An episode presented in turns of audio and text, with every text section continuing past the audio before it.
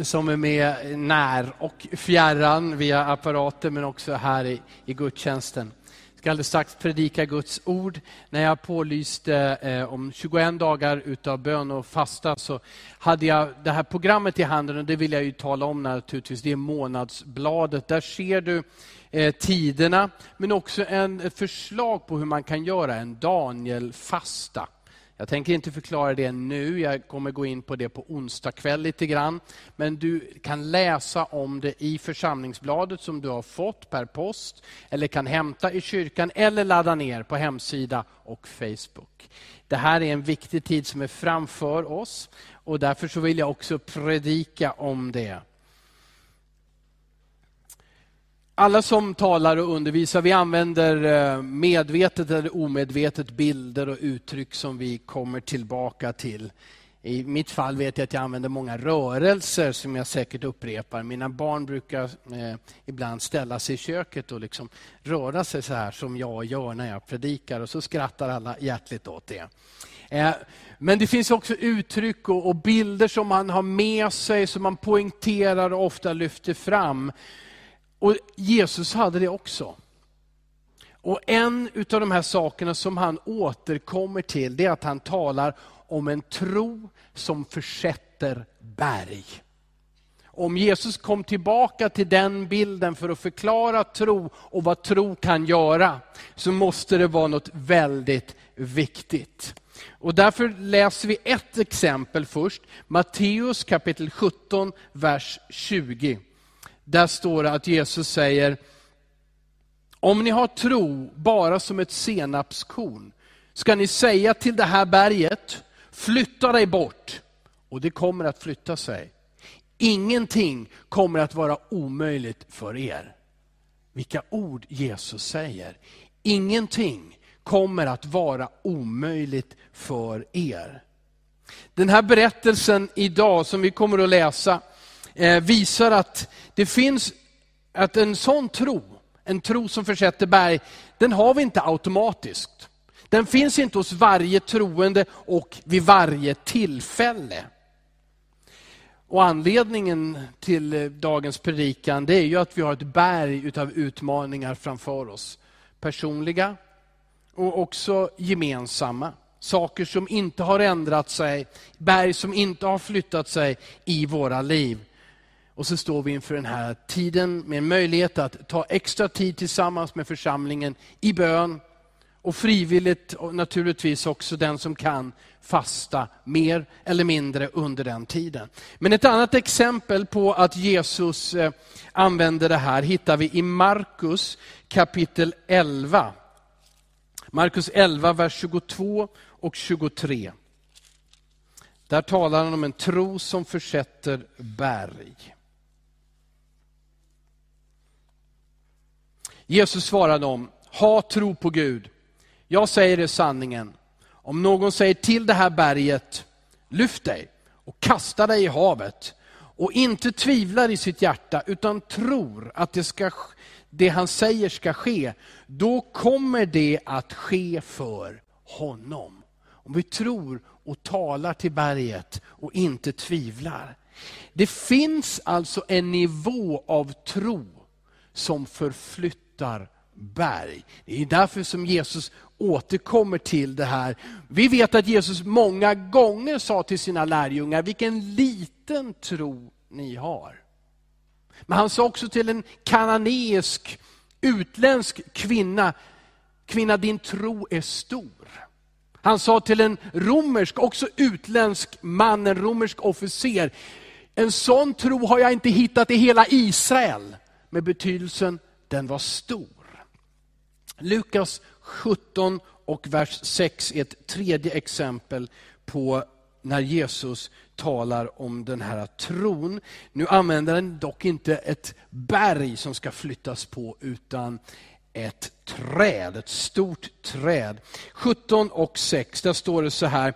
Herren sa, om ni har tro, bara som ett senapskorn, ska ni kunna säga till det här mullbär, mullbärsträdet, ryck upp dig med rötterna och plantera dig i havet.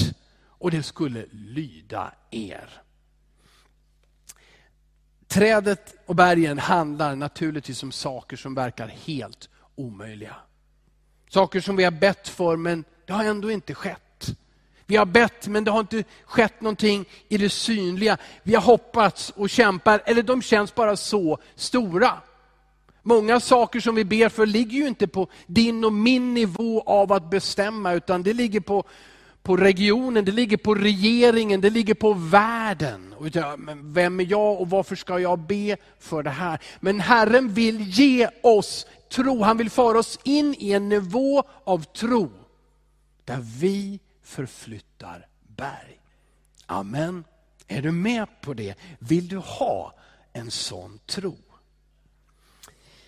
Ingenting kommer att vara omöjligt för er, säger Jesus. Jag måste upprepa det, för det här är ju svårt att ta till sig. Med det naturliga. Ingenting kommer att vara omöjligt för er. När vi fastar, när vi ber, när vi tillbringar tid med Herren, så blir vi utrustade med en tro för det övernaturliga, för det till synes omöjliga. En tro som resulterar i under och att berg flyttar på sig. Amen. Dagens huvudtext kommer vara den ur Matteus kapitel 17. Eh, titeln på det här budskapet är Tro och fasta som försätter berg. Tro och fasta som försätter berg. Berättelsen där börjar med en far och en son och jag predikade rätt så nyligen om det, men nu Markus evangeliet. Den här gången kommer den här berättelsen ur Matteus evangeliet. En far till en son som var svårt sjuk och besatt, plågad av en ond ande. Sjukdomar har ibland en andlig bakgrund. Låt mig understryka ibland. Sjukdom definieras som ett funktionshindrande tillstånd. Eh, karaktäriseras av ohälsa, det kan vara på grund av fysiologiska skäl, psykologiska skäl, sociala skäl. Men där slutar många läroböcker. Bibeln säger också av andliga skäl, eller till och med av besatthet. Och här möter vi en far med en pojke som är både sjuk och besatt av en ond ande. Och Den här berättelsen finns i tre av evangelierna. Och Då betyder det att om Gud vill att det ska upprepas både en och två gånger, finnas med i tre av evangelierna, så är det viktigt. Det finns någonting för oss att förstå och ta till oss i Guds ord här. Jag delar upp den här predikan i tre delar. Först om mänsklig svaghet. Jag är en representant för det.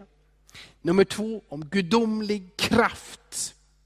Nummer tre, någonting om tro och fasta. Vi börjar med mänsklig svaghet. Så bakgrunden till den här berättelsen om pappan som kommer med sin son till Jesus är att dagen innan har Jesus varit uppe på berget med tre av sina lärjungar. Där har de sett honom förvandlas i ljus. Där kom profeten Mose och Elia från gamla testamentet, samtalar med honom och så hörs Guds röst. Det här är min älskade son, i honom har jag min glädje. Precis det som Johan citerade i inledningen, fast ur Petrusbrevet skrivit många årtionden senare. Han refererar till den berättelsen och säger, det var inga myter, vi såg honom förvandlas. Men dagen efter så kommer de ner från berget och motsatserna är brutala. Har du känt av det någon gång när du har varit på ett läger, ett kristet läger eller en konferens? Eller kanske bara på en bra gudstjänst och du blir så uppbyggd. Du brinner av tro, iver, av kärlek och så kommer du hem eller till en situation som är bara raka motsatsen. Och du känner hur, hur hjärtat trillar ner i skorna och känslorna bara byts om. Berget, det var härlighet och ljus. Vid bergets fot var det svårt lidande som de mötte. Och på berget var det Gud som är far som sa, jag har glädje i min son.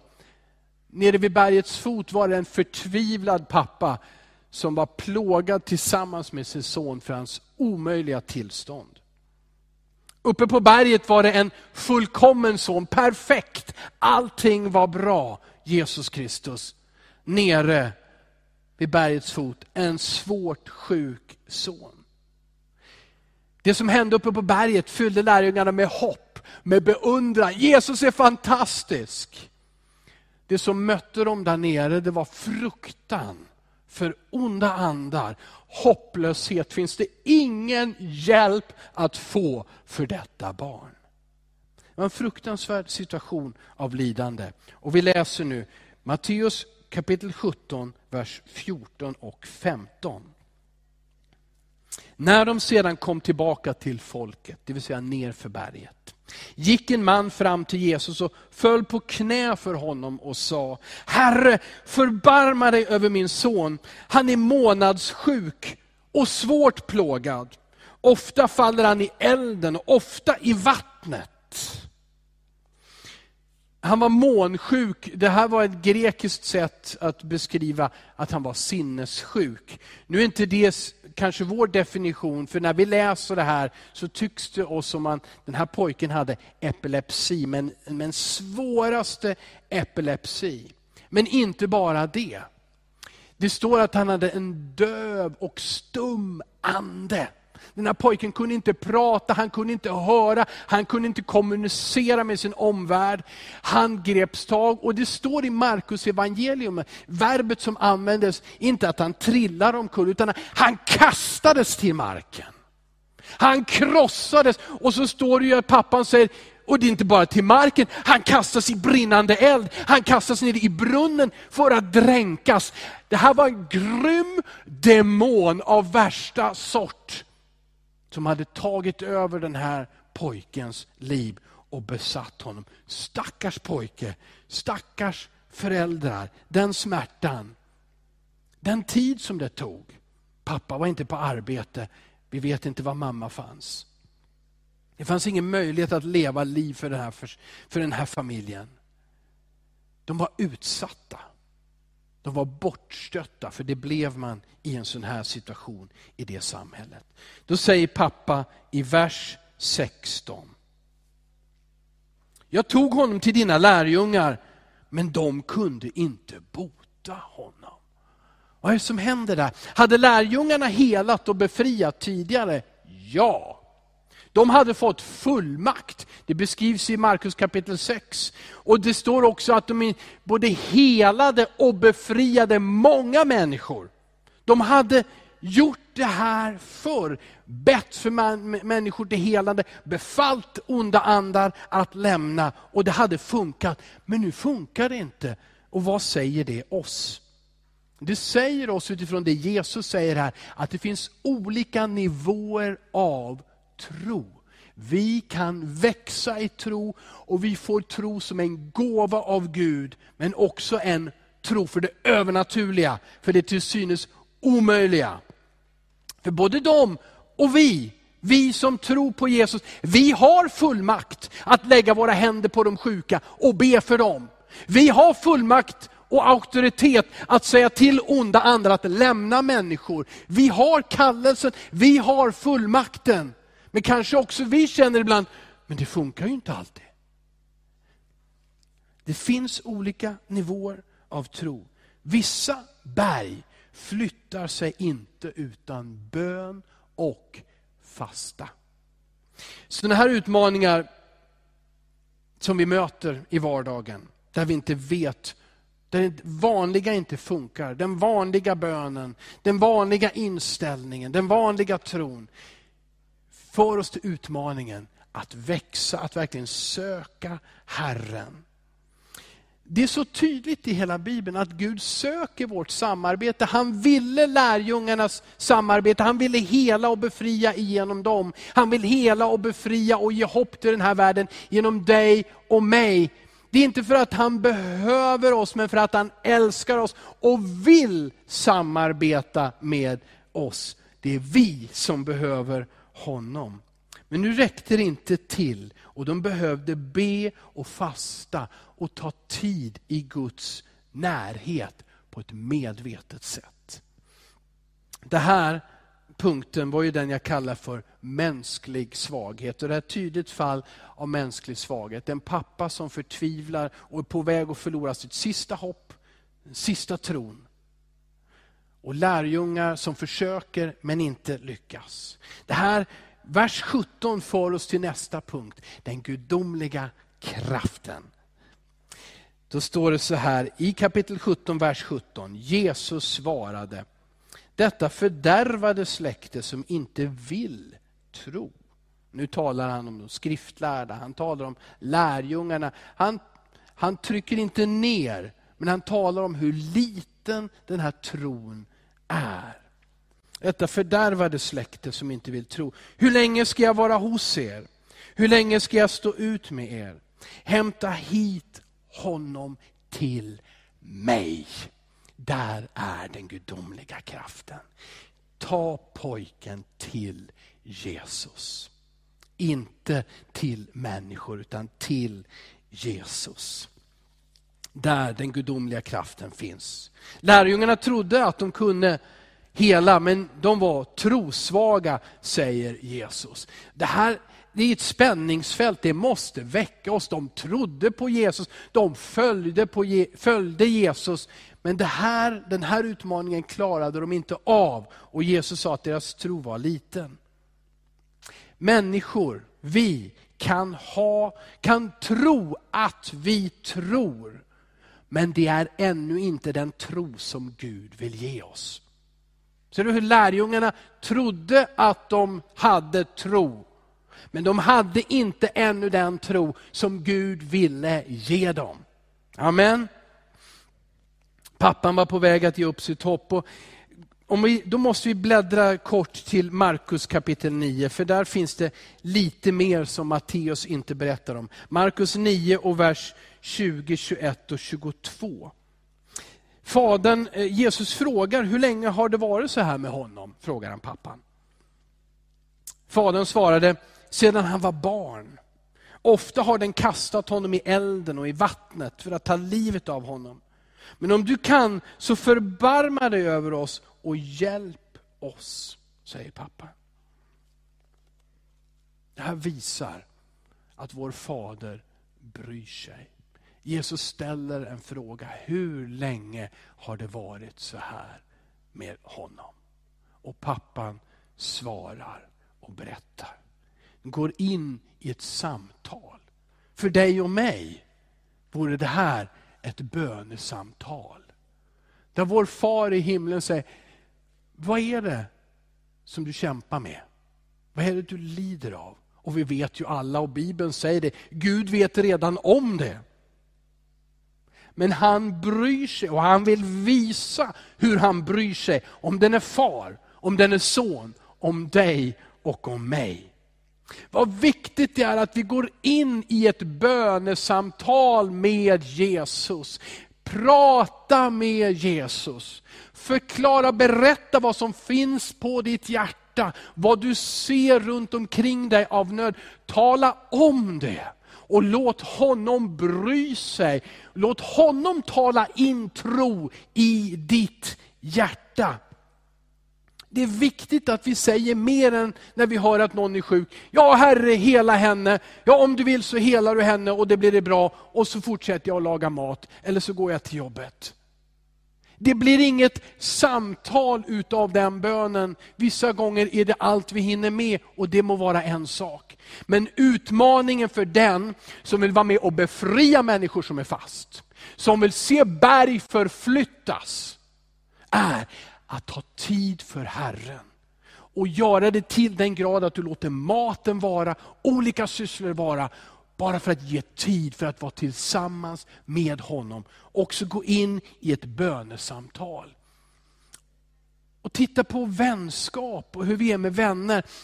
Om du tänker på hur du brukar be, den tid du tar med Herren. Och så jämför du, om du skulle göra, ge dina vänner sån tid, hur skulle din, dina vänskapsrelationer se ut? Det är ett sätt för mig att pröva mig själv. Umgås jag med mina vänner och med Herren så, tjena ba, hej då! ha det bra, lös dina problem, lycka till. Om vår bön består av krav, Gud du måste hjälpa mig nu! Och så springer vi vidare. Vad blir det för en relation? Vad blir det för ett samtal? Ger vi Herren möjlighet att ge oss sin kärlek, visa på sina lösningar, komma med sin kraft. Vi måste, vi har inte blivit givna en religion. Vi har fått en relation. Låt oss använda den och kanske ta lärdomar av hur vi investerar i våra vänskapsrelationer. För det här är din best friend forever, Jesus Kristus. Han älskar dig och tar hur mycket tid som helst för dig. Det är det som är så fantastiskt med Guds son, att han kan göra det med varenda människa och med dig. Men du och jag, vilken tid och kärlek och uppmärksamhet ger vi till honom? Om du kan, säger pappan till Jesus. Det är ju nästan skrattretande. Han säger det till Guds son. Om du kan. För Jesus är allting möjligt, men han pekar på tron. Ska vi läsa vers, jag tror att det är 22 och 23. Matteus 17. Eh, så att jag, nej, det kan det inte vara, inte än. Eh, det måste vara vers 19. Nej, det är vers 18. Nej, det är vers 17. Nu är jag rätt. Ehm, Jesus talade strängt till den onda anden och den for ut ur honom. Från den stunden var pojken botad. Nu vet jag varför jag inte hittade vad jag letade efter. För det är i Markus evangeliet som pappan säger, jag vill tro, hjälp mig att tro. Och Jesus gör det. Men det här är nödvändigt för Gud, att få möta oss och sen så få bygga upp vår tro. Han gör inte undret när det inte finns tro. Ja, men säger du Gud är Gud, det är väl, han går väl bara in och gör vad han vill? Nej, han gör inte det. Det är verkligen så att Gud har begränsat sig till ett samarbete med oss. Inte när han skapade världen och inte när Jesus kommer tillbaka. Det här påverkar vi inte på det sättet. Men i vår vardag, om under ska ske, om det omöjliga ska bli möjligt, så är det genom ett samarbete med oss. Det var aldrig så att Jesus kom in i en stad och lärjungarna och människorna de, de, de korsade armarna och sa, ja, ska vi se vad Jesus gör? Och så hela Jesus lite där och så sa han lite där och så gjorde han då. Läs vad det står om när Jesus kom till sin hemstad. Det står så här, han kunde inte göra många under där, för det fanns ingen tro. Så om Jesus kommer in i en kyrka och ställer sig och det finns inte tro, då sker det inte under. Det är inte så att Jesus bara kommer, ja, men jag gör det här, det här, det här, det här, det här, för henne, för honom, för honom, för allihopa. Han kommer hit, han vill bo ibland sitt folk, men han vill ha ditt samarbete, ditt öppna hjärta, ditt ja, men också din tid inför honom. Och där blir bön under längre tid fasta så avgörande för att den gudomliga kraften ska komma. Det är där, när vi tar tid i hans närvaro, som vi kan urskilja, vad har det här för en orsak?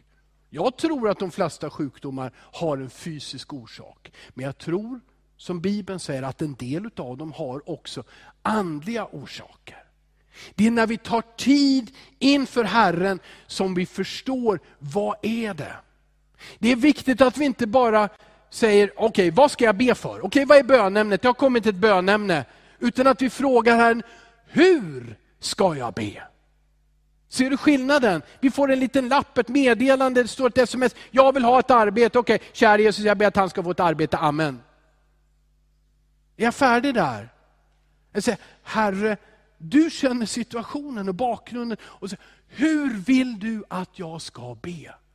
Och då behöver vi vara, ta tid för Herren på våra knän, ta tid i bönemötet. Det är därför det är så viktigt att komma till bönemötet. Onsdagens bönemöten är inte för någon annan, det är för församlingen, det är för varenda människa, ung och gammal, ny eller ja, vad det än är. Det är för alla. Brukar du undra varför det sker så lite under? Nästa fråga. Brukar du komma till bönemöten? Eller brukar du gå till en hemgrupp där man verkligen ber? Det är nämligen så här, att om du möter och pratar med de människor som går till bönemötet, så kommer de inte att säga, det sker så lite. Det här hänger ihop. Den som är med på våra bönemöten hör och ser vad som händer runt om i människors liv. Vill du leva, vill du ha en stark tro, vill du veta vad Gud gör i den här tiden, vill du vara med och ta emot och vara en del av det, kom till bönemötet. Gå till hemgruppen, se till att där du möts, där ni arbetar tillsammans med servering eller någonting, säg vi måste be tillsammans. Alla här vet hur man kokar kaffe och stäcker fram en bulle. Alla vet hur man städar ett golv. Men om vi ber, säger Herre vad vill du? Hur ska vi göra det här? Vad ska ske medan jag putsar det här golvet? Vad ska ske när jag möter människor utanför och säger hej? Det sker när vi tar tid för Herren, lyssnar in honom och samarbetar med honom. Amen. Vi behöver bli ledda av Herren hur vi ska be för att det ska gå till seger. Jag är så glad för, för, för Annika. Ja, nu, var det ju, nu var det ju Ester och Emma som pratade om Mordecai och Ester. Där Mordecai säger till Ester, Ester, drottningen, nu är landet i en sån situation att hela det judiska folket står inför att bli utrotat. Du måste utlysa fasta och bön. Och där kom segern. När vi ödmjukar oss till den grad att vi säger, Herre jag är så hungrig, jag orkar knappt gå upp ur sängen. Det är inget roligt att göra någonting när man är så här hungrig. Jag behöver verkligen din hjälp. Jag kan inte ens lita på min egen tankeförmåga eller min muskelstyrka. Jag behöver dig. Där kommer Herren in och visar sin gudomliga kraft. Det här för oss, vi är redan inne på den tredje punkten, tro och fasta. Vers 19, Matteus 17, vers 19. När lärjungarna hade blivit ensamma med Jesus kom de fram och frågade, varför kunde inte vi driva ut den? Det var ju så här, de hade stått vid bergets kant, nio av dem och tre kom ner med Jesus. Och så kommer den här pappan och med sin son och han blir inte helad och så kommer Jesus. Och då kan jag tänka mig hur de börjar med, liksom, ja ska se vad, vad Jesus gör. Vad gör han nu som vi inte gjorde? Säger han något speciellt? Vad, vad, vad ska ske här? Och så bara wow! Pojken blir helt fri. Det står att han blir befriad och det står att han blir botad. Pojken var ju sjuk och han var besatt. Så han blev befriad från den onda anden och han blev helad från sin sjukdom, från sin dövhet, från sin stumhet. Han blev frisk. Och de bara, wow! Men sen kommer nästa fråga, men har inte vi fått den här fullmakten? Vi har ju redan gjort det här runt omkring. Du och jag ber också om saker. Och kanske också uthålligt. Jag vill säga det med all respekt, för jag vet att många av er ber och ropar sedan många år för vissa saker. Då är det lätt att hamna i den där situationen när vi börjar ifrågasätta. Det sker ju ingenting. Herre, jag har bett och han har bett och jag gick till, till honom och henne och de är jättetroende och den här predikanten och pastorn bad och det hände ingenting. Och vi har till och med fastat Herre och det händer ingenting. Jag trodde du lovade. Är det någon som känner igen frågorna? Jag har dem lite då och då. Men tankarna är också ett slagfält, ett krigsfält. Och om vi tillåter vissa tankar att upprepa sig, ett ifrågasättande om och om igen. Du är nog inte med mig. För vi, vi hoppar ju ofta väldigt snabbt till den här slutsatsen. Jag tror inte du älskar mig. Jag vet inte ens om du finns Gud. Alltså vi har ju en förmåga att bara woo, springa väldigt långt i våra tankar. Om vi upprepar det här inom oss så leder det till tvivel. Och där tvivel härskar, där sker det väldigt lite av Guds verk. Du får inte, jag får inte ge djävulen utrymme i min tankevärld att fylla på med det negativa, med det omöjliga. Det funkar inte, berget är för stort, det går inte. Om vi gör det så matar vi oss med någonting som blir till tvivel och Gud har aldrig lovat att han ska verka igenom tvivel, men igenom tro. Där vi tror så vill Gud göra någonting. står så här i vers 20. Jesus svarade, därför att ni har så lite tro kunde ni inte göra det här. Det här är inte det enda skälet varje gång som någonting inte händer, så, så övertolka inte det här. Men det är också ett skäl när saker inte sker. Att det finns för lite tro där. De hade fått fullmakt, ja. Trodde de att anden skulle lämna när de kastade ut honom? Ja. Trodde de att pojken skulle bli hel? Ja. Men vad de trodde var tro, det var inte tro. Vi tänker så lätt att vår förmåga att tro att Gud skulle kunna göra, att det är samma sak som tro som leder till det övernaturliga. Men det är det inte. Tron att säga, ja men Gud skulle kunna finnas och Gud skulle kunna hjälpa och eftersom han har gjort hela jorden så kan ju han faktiskt också hjälpa mig med mina små problem.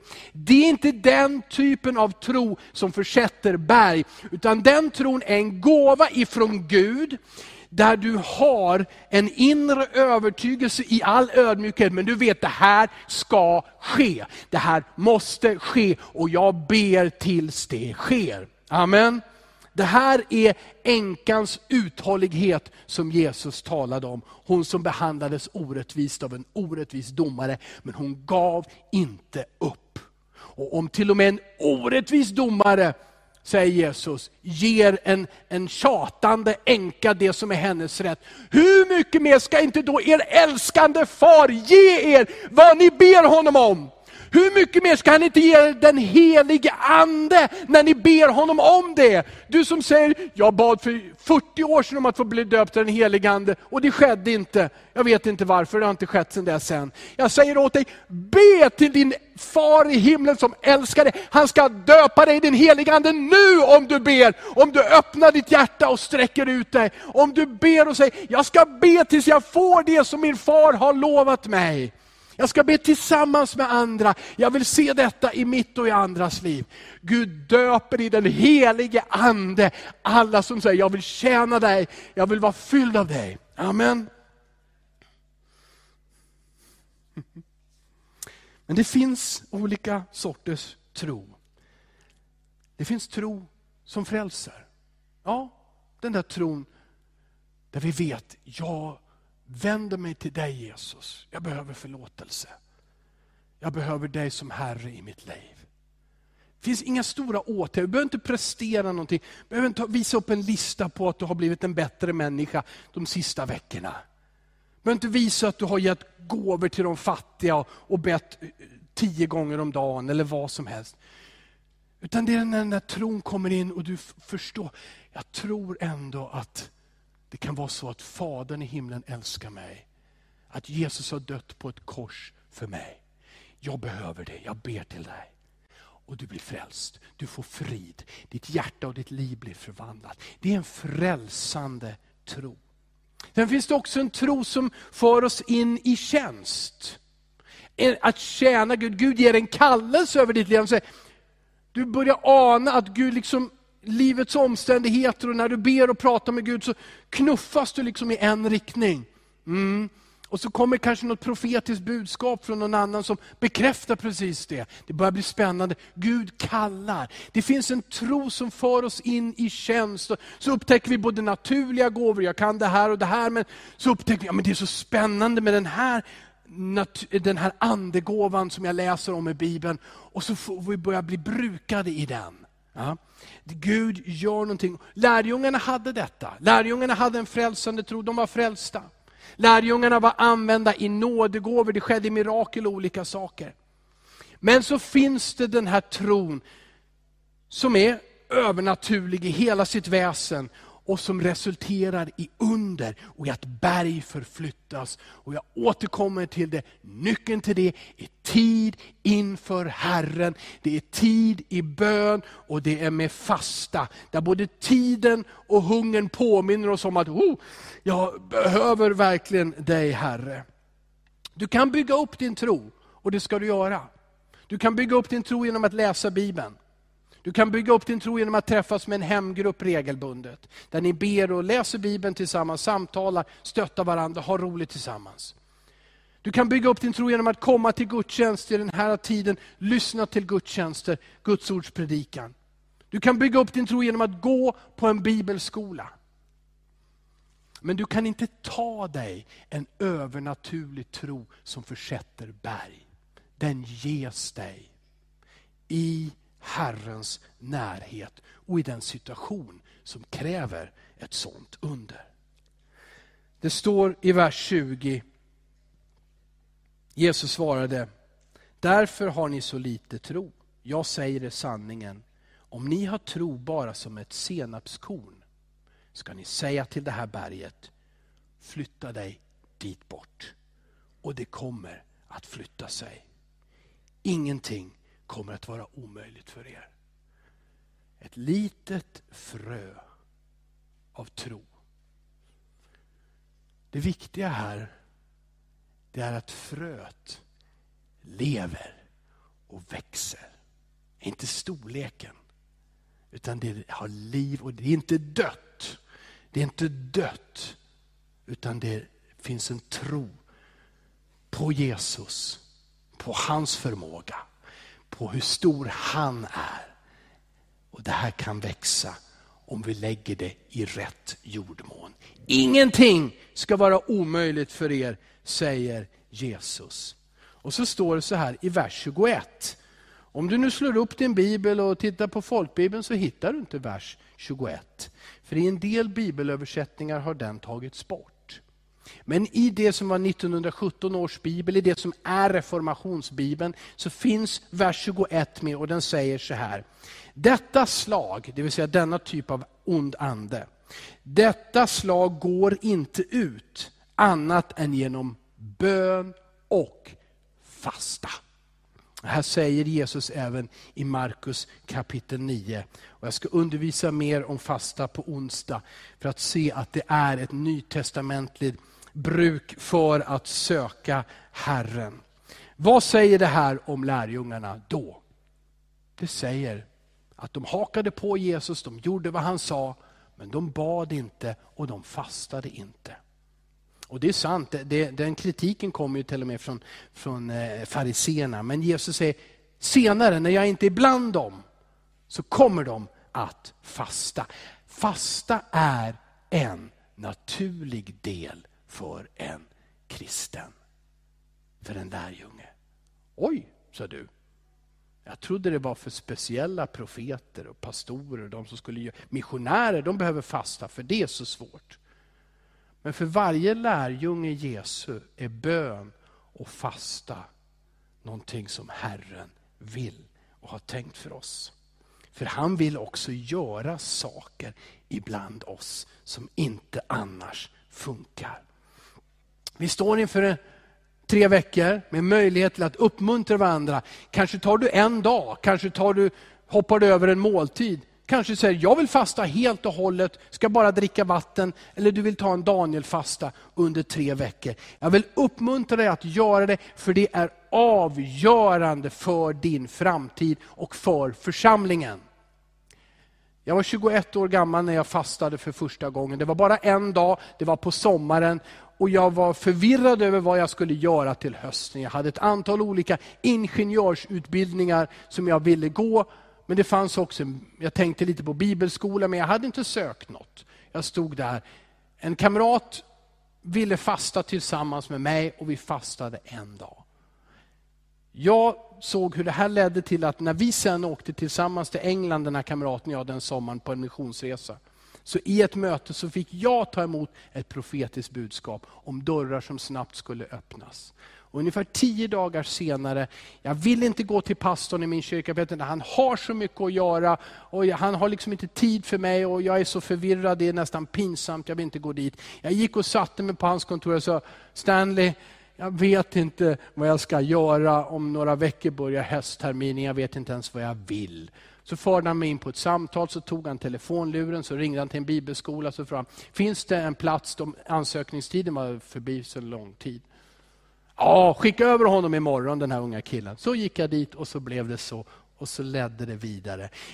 Dagen utav fasta inför en missionsresa, en sommarresa till England, påverkade mitt framtid, min framtid på ett avgörande sätt.